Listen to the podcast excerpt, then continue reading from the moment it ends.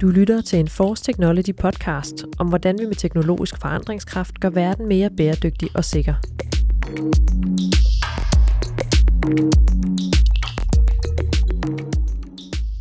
Et fredeligt hjem med bløde, rare lyde, der giver plads til eftertanke og ro i sjælen. Det lyder dejligt, ikke? Men sådan er de færreste boliger. For lydbilledet i et hjem er typisk sammensat af alle mulige lyde og forskellige former for støj. Vaskemaskinens centrifugering, naboens samtaler, varmepumpens brummen, trafikstøj fra gaden, børnenes råb ud i haven, fodtrin lattergråd osv. osv.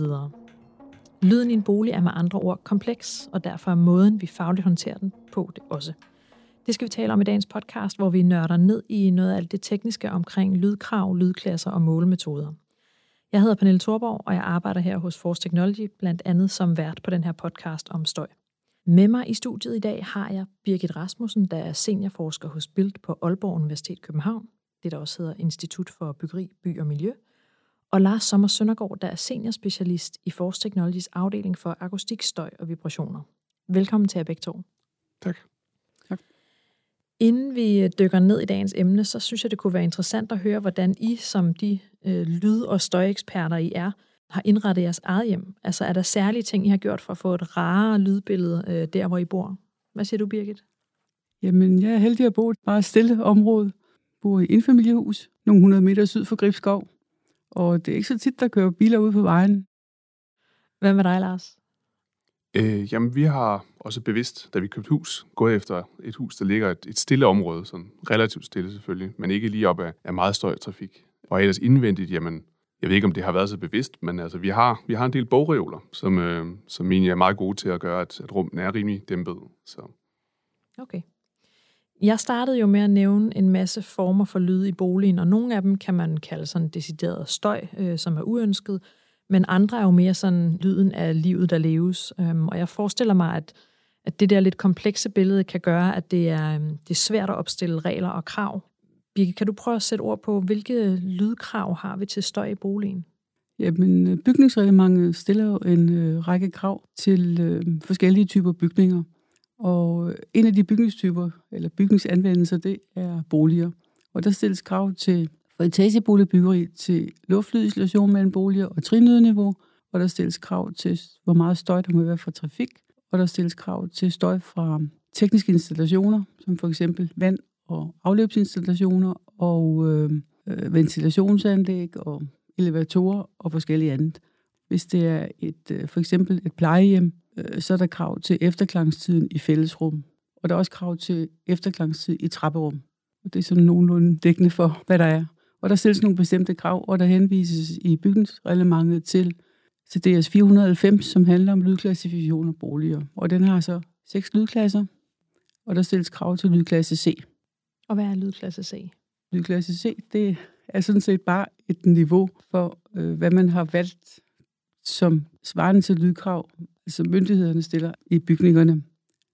Og det er jo lidt ligesom med energimærkning. Den har også et række forskellige klasser, men det er ikke sådan for lydklasser, der er det ikke sådan, så man nødvendigvis skal nå op på A eller A+, eller hvad det er kommet til at hedde det andet der.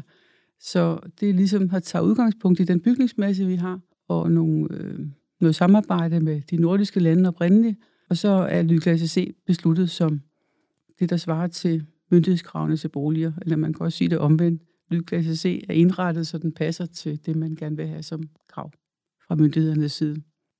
Kan du sige lidt om de enkelte lydklasser, altså hvad de øh, sådan specifikt definerer? Er, det, er vi sådan helt ned på øh, dB-grænser, eller hvad, hvad rummer de? Jamen, der stilles krav til for eksempel luftlydinstallationen, taler om etageboliger, til luftlysinstallationen mellem boliger, og der står så et minimum antal dB i lydisolation i de der lydklasser og de er så højere for luftlysinstallationen, højere jo bedre lydklasse det er, og dårligere jo lavere lydklasse det er. Og trinlydniveau, der er det sådan, at jo lavere værdi, jo bedre.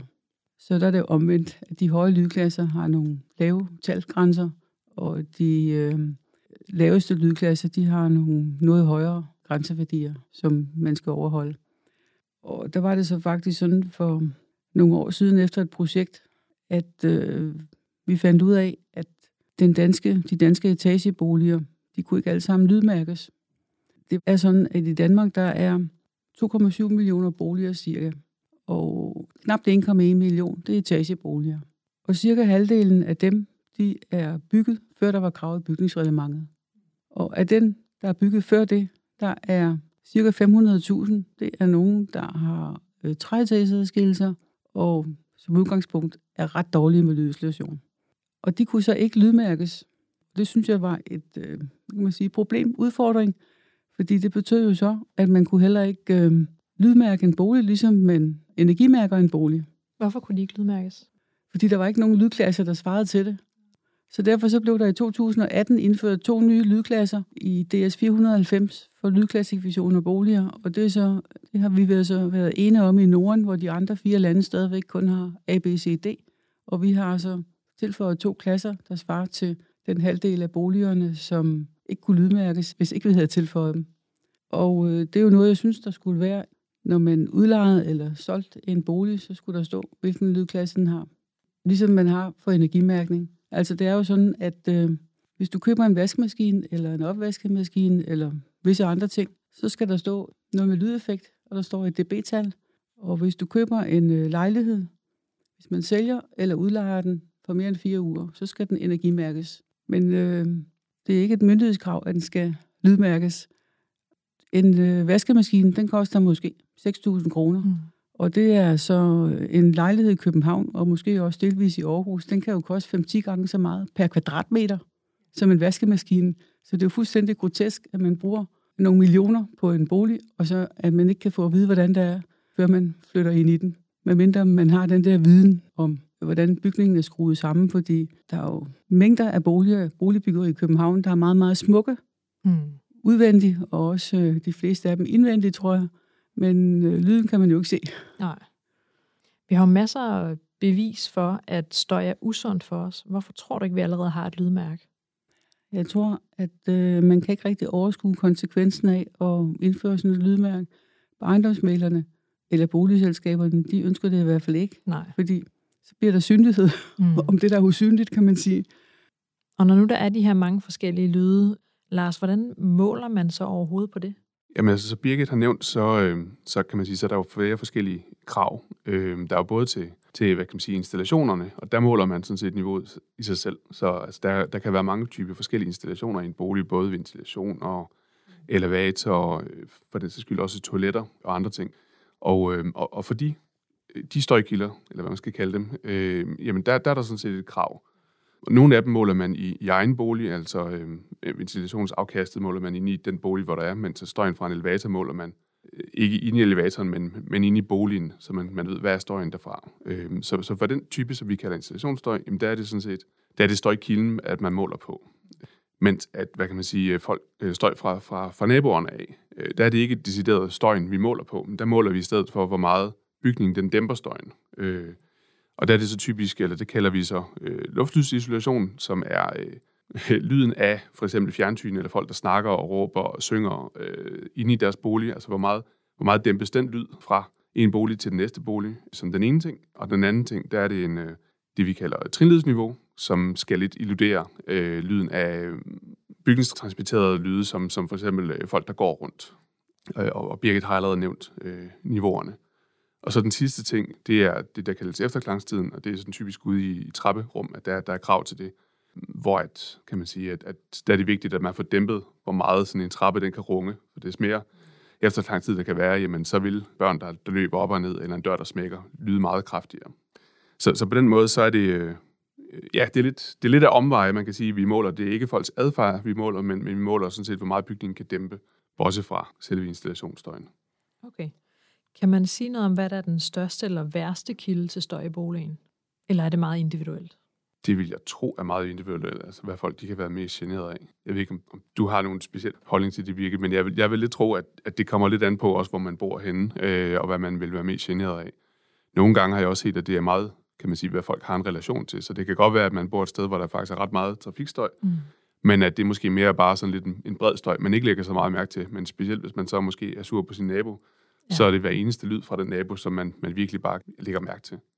Jeg synes, det man jeg mest hører om, når nogen de øh, ringer, det er også det, man kan se i undersøgelser, det er trinlyd. Og Og jeg kan ikke lige forklare, hvorfor, fordi det er jo ikke en øh, privat lyd på den måde. Det er jo ikke ligesom, når nogen de skændes eller Nej. noget lignende. Men alligevel så er det, som får folk til at vågne. Og man kan sige, at øh, en god lydisolation gælder jo så også, hvis man skal lydrenovere. Ikke? Det betyder noget for ens helbred og livskvalitet og søvn og komfort.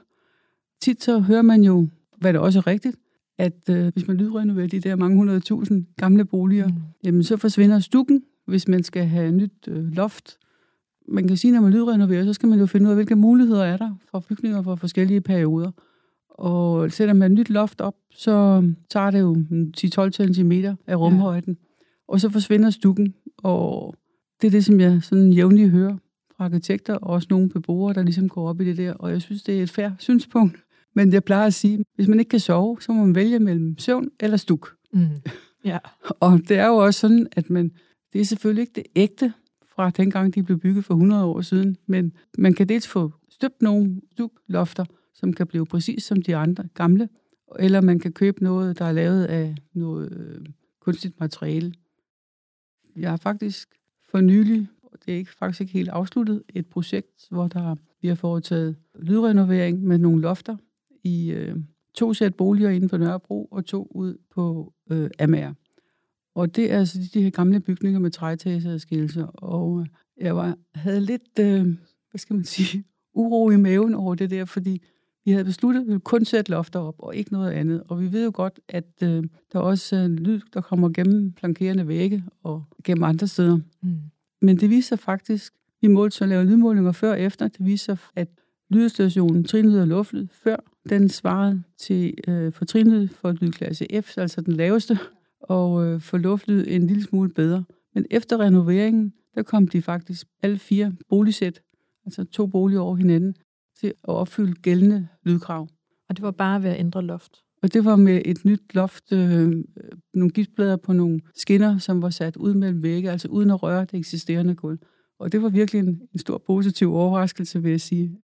Hvor villige er entreprenører, boligselskaber og sådan til at arbejde med det her med lyd? Er de opmærksomme på det, oplever du? Det er sikkert noget, der kommer ind også ved beboermøder, hvis det er et boligselskab. Men der er jo også mange andre ting. Det er noget med, så er der nyt køkken eller nyt mm. badeværelse, altan, og der er installationer osv. Så, videre. så jeg tror tit, det ligesom drukner i alt det der.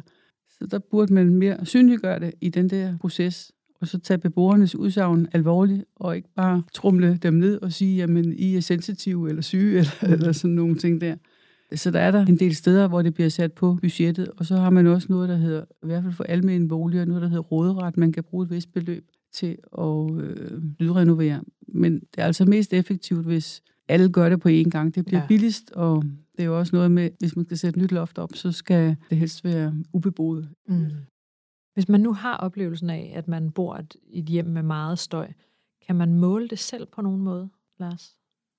Ja nej. Altså fordi øh, installationsstøjen, som, som vi snakkede om før, der er det decideret støjniveau, så den, den kan man for så vidt godt måle. Men det er jo så lige, hvordan man vil gøre det. Altså, ja. nogen, der er mange, der, der har en app på deres telefoner, og de, de er nogle gange pålidelige, og nogle gange ikke pålidelige. Det kommer lidt også an på, hvad man skal måle. Øh, og ellers så kunne man jo selvfølgelig lege eller købe sådan noget mere professionelt udstyr. Så, så hvis, det var, hvis det er det, man er generet af, altså for eksempel, hvor meget naboens toilet støjer, eller et eller andet, så, så teoretisk set ja. Mens at, at lydsituationen og trinlyden, jamen det kræver det, at man har øh, adgang til naboboligen øh, og, og, det, og noget specielt udstyr for at kunne gøre det. Så, så jo, jo, det ville kunne lade sig gøre, men, men mm. det vil nok være de færreste, der har mulighed for at kunne gøre alle de forskellige ting i hvert fald. Når man sådan øh, metodemæssigt snakker om nu, som du, man kan sige, du er professionel ud i det her, det er jo det er ikke dig, der bor i den der øh, bolig, der er støj, hvor man selv skal fifle sig frem med nogle apps. Men når du arbejder med det, så er der jo der er forskellige metoder. Der er både feltmålinger og laboratoriemålinger. Øh, vil du ikke prøve at fortælle lidt om de to metoder, Birgit? Ja, altså laboratoriemålinger, det bruger man jo for at kende den lydtekniske egenskab for nogle produkter. Mm. Og det kan være en øh, etageadskillelse, det kan være et gulv, man lægger oven på en etageadskillelse. Det kan også være en væg, hvor man indsætter din åbning. Så måler man simpelthen kun på det produkt der. Hvis det er et gulv, så lægger man det oven på et referencedæk. På den måde kan man ligesom se, hvad forskellen er, uden at man er forstyrret af baggrundsstøj og flankerende konstruktioner og andre slags forstyrrende lyde. Mm. Så laboratoriemålinger, det er noget, man også bruger, når man skal deklarere egenskaberne i et katalog eller på sin hjemmeside. Mens feltmålinger, det er det, som man skal bruge, når man skal holde det op mod kravene i bygningsreglementet, fordi det er jo det, som er virkelighed for beboere, og sådan set også for brugere af andre slags bygninger, det er, hvordan det ser ud i den færdige bygning. Ja. Det er ikke, hvad man har målt i laboratoriet nødvendigvis. Nej, det er, når man er ude on-site og måler. Ja. ja, ja. Indimellem så benytter man jo også lyttetest, Lars, øh, hvor mennesker sidder og lytter. Hvordan foregår det? Og hvordan bliver det brugt? ja, jamen altså, øh, det der jo også er, eller formentlig en af grundene til, at det man måler er lydsituationer, ikke hvor meget for eksempel naboen støjer i sig selv. Så det er jo ikke særlig reproducerbart. Det kommer jo meget an på, hvordan folk opfører sig. Øh, men omvendt set, altså noget af det, som vi, vi arbejder meget med, er at prøve at sikre sig, at metoderne er, er så svarende til, til genen, fordi i sidste ende handler det jo om, hvor meget generede folk er. Og, øh, og noget af det, der bliver arbejdet meget med, er, er for eksempel også, kan man sige, vores, vores måleudstyr bliver også bedre og bedre, og, og viden bliver, bliver bedre og bedre til, at, øh, at man kan finde ud af, hvad er den bedste sammenhæng. Noget af det, vi diskuterer meget, når vi arbejder med metoder i standardisering, øh, både på nationalt og internationalt niveau, er at sikre, at, at metoderne er mest muligt, øh, svarer mest muligt øh, overens til det, kan man sige. Så, så en af de måder, man kan gøre det ved, er ved at lave nogle lyttetest, øh, hvor man kan have nogle optagelser, øh, og som man så kan have et, et, et lyttepanel til at sidde og lytte på, for at finde ud af, hvordan scenen passer sammen med, med de forskellige ting, øh, og som vi så holder op med de objektive øh, målemetoder, der er, og så finde ud af, hvordan vi bedst muligt kan, kan sikre, at der er en overensstemmelse mellem dem. Er det helt almindelige mennesker, eller er det sådan nogle særligt trænede lyttere, der sidder i sådan et panel? Det kommer lidt an på, hvad det er, man er ude efter. Til almindelig scene på den her måde, jamen så er kriteriet sædvanligvis, at, at det er folk med en normal hørelse, man vil bruge til det. Og, øh, og, og folks hørelse er jo fuldstændig individuel, så, så der vil være en, et vis spænd. Force Technology er jo et GTS-institut, og det vil sige, at vi blandt andet indgår det, der hedder resultatkontrakter øh, med det offentlige, hvor vi får nogle midler til at øh, undersøge nye områder, kan man sige, nye metoder. Øh, vi har jo også øh, en resultatkontrakt inden for det her. Vil du fortælle lidt om den? Hvad, hvad laver vi der? Jamen, øh, i den som en del af det, der undersøger vi netop målmetoder og, og prøver at sikre sig, at, at de stemmer overens. Øh, og noget af, noget af det laver vi sammen med, med Birgit og, og Bilt. Den måde, man måler trinlyd på, det er, at øh, man har øh, det, man kalder en bankemaskine, som er et apparat på cirka på størrelse med en, med en gravhund, og som man, man kan sætte på et, et gulv, og som har en 4-5 lodder, som falder ned tilfældig rækkefølge og exciterer gulvet, øh, og, og man har fundet ud af, at det er en god reproducerbar måde at, at sikre sig på. Det siger, at, at andre personer med, med tilsvarende udstyr, jamen, de får tilsvarende resultater.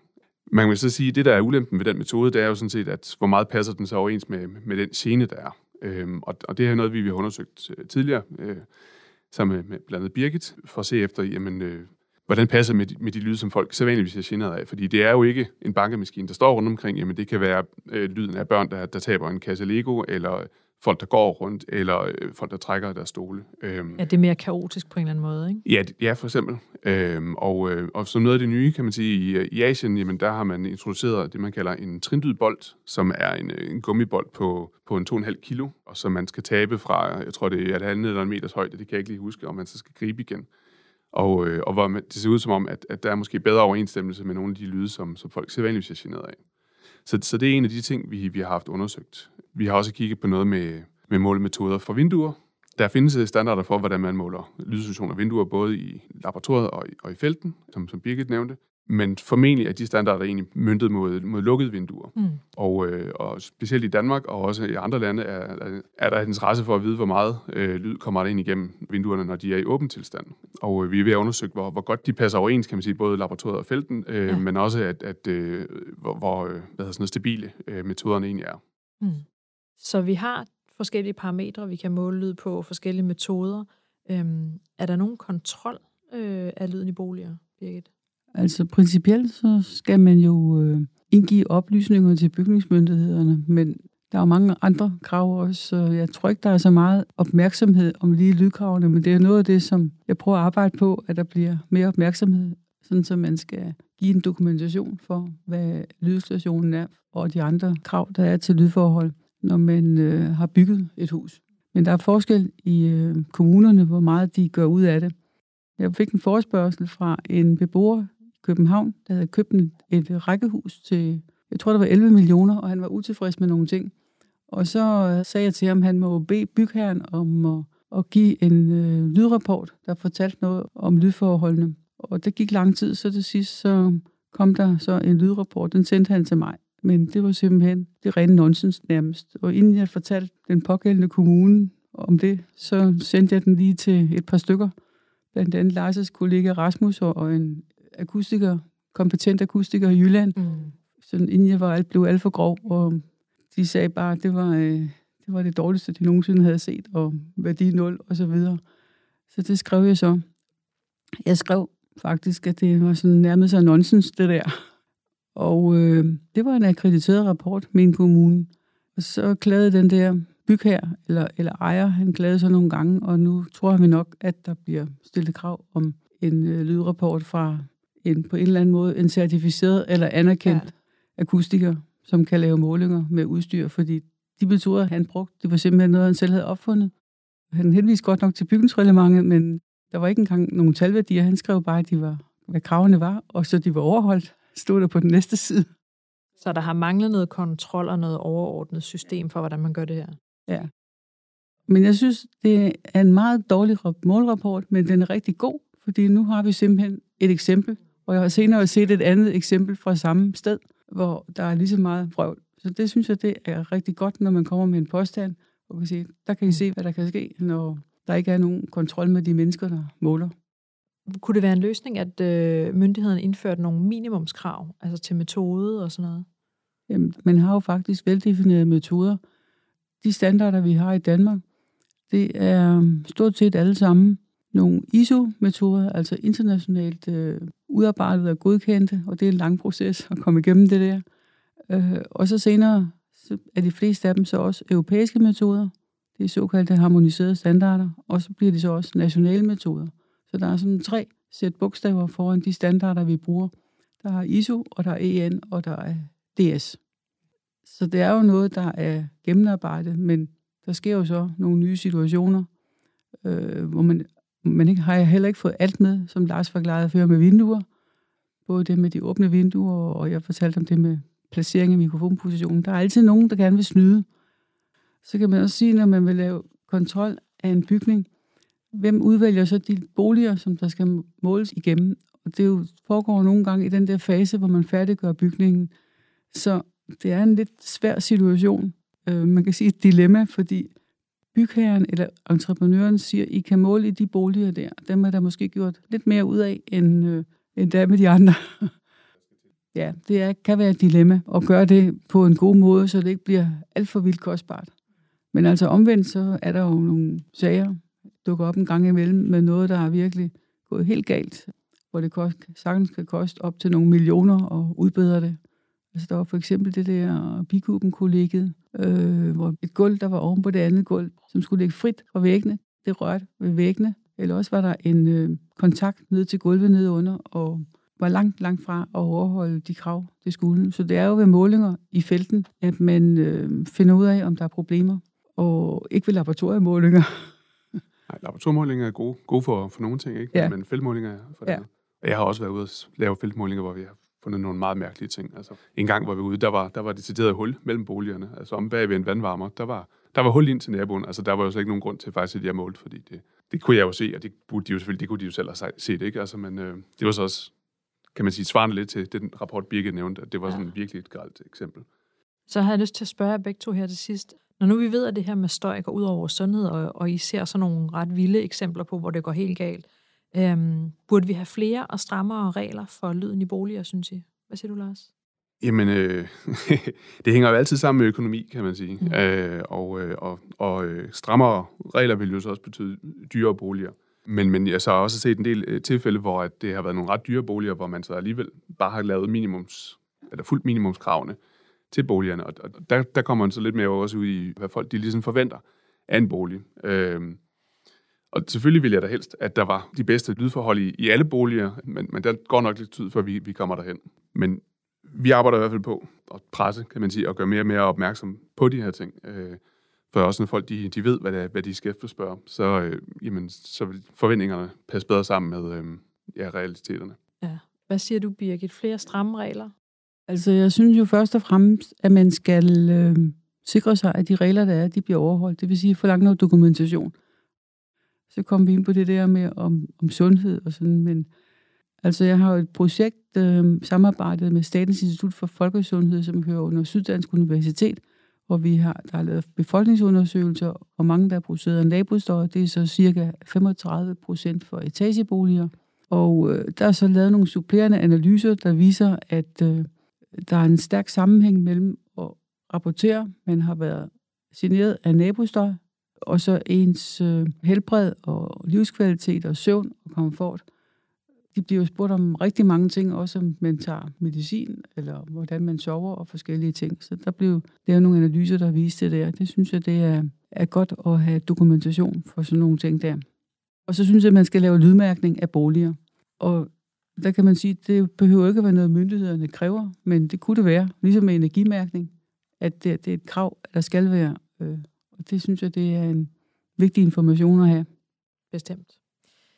Sådan blev vi klogere på, hvordan man måler lyd i øh, boligen, og øh, hvad der bliver gjort for at kontrollere.